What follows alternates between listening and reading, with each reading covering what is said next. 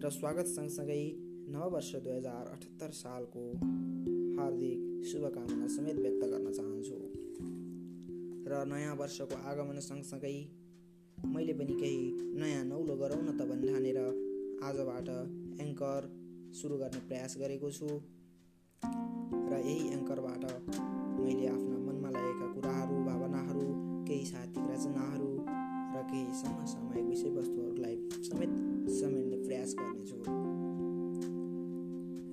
र आज सन्दर्भ छ नयाँ वर्षको। र नयाँ वर्षको सन्दर्भ सँगसँगै मैले एउटा कविता समेत लेखेको छु।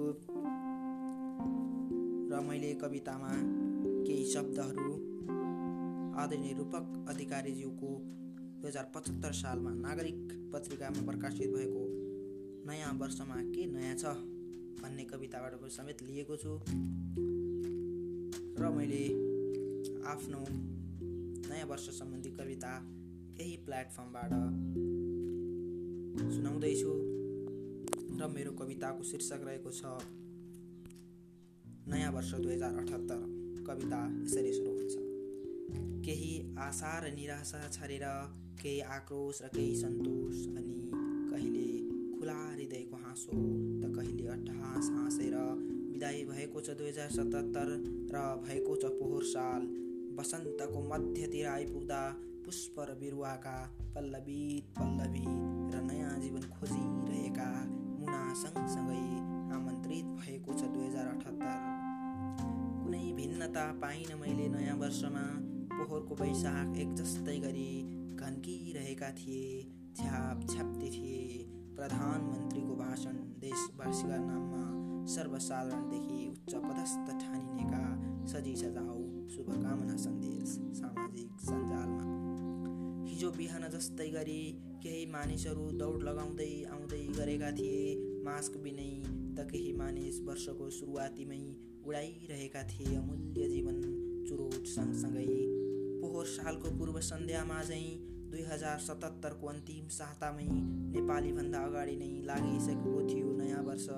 बियर विस्की र कोल्ड ड्रिङ्क्समा अनि के आशा गरौँ यो नयाँ वर्षमा बस मलाई न दुई हजार सतहत्तरको पात्रो टङ्ग्याइ राख्न मन लाग्यो न दुई हजार अठहत्तरको पात्रो टङ्ग्याउन। हिजोदेखि नै बलेको आशाको दियोमा तेल थप्ने काम मात्र नहोस् दुई हजार अठहत्तरमा स्वर्गद्वारी पिठको अखण्ड धुनी जस्तै दन्कियोस् आशाको दियो। नाभिस्थान र श्रीस्थानको ज्वाला झैँ दुई हजार अठहत्तरमा। जापान अस्ट्रेलिया र युएसएमा नजाउन् शिक्षित युवा केवल काम गर्न पढ्ने न्युमा विद्यार्थी भिसामा। न विदेशी उन नेपाली कर्मशील युवा एक छाक गुजरा गर्ने र आफ्ना बालबच्चालाई एक्सहरू किन्ने लक्ष्य लिएर न दोहोरी उन विगतका भुलहरू न बेची उन अबोध बालबालिका र विवश नेपाली महिला यस नयाँ बिहानीदेखि सुन्नै नपरोस्। मेरी दिदी बहिनी आफ्नै गाउँका कामुक नजरले डामिएको समाचार देख्नै नपरोस्। एसिड छाप्नेका ती पापी अनुहार। यस नवदिनदेखि छोडिदिउँ आशा गर्ने बानी छोडिदिउँ मात्र आलोचना गर्ने बानी र थालौँ आफैलाई सुधार्न। श्रमिकलाई शिक्षकलाई र सबै मानिसलाई सम्मान र समान व्यवहार गर्न। यस्तै गर्छु। तपाईँ पनि यस्तै अझ राम्रो गर्नुहोस् यो नयाँ वर्षमा। कसो नबनौला र हामी राम्रा र सुसभ्य अनि कसो नबन्ला र हाम्रो घर हामी आफैलाई राम्रो लाग्ने सम्पूर्ण नेपालीहरूमा शुभकामना। विक्रम सम्मत दुई हजार अठहत्तरको। मेरो कविता यस्तो रहेको थियो। र यहाँहरूले सुनेर आफ्ना सुझाव तथा प्रतिक्रियाहरू दिनुहुनेछ भन्ने ठानेको छु। यस्तै यस्तै कुराहरू र समसामयिक विषयवस्तु आफ्ना विचारहरू ल्याएर बेला बेलामा आउने नै छु।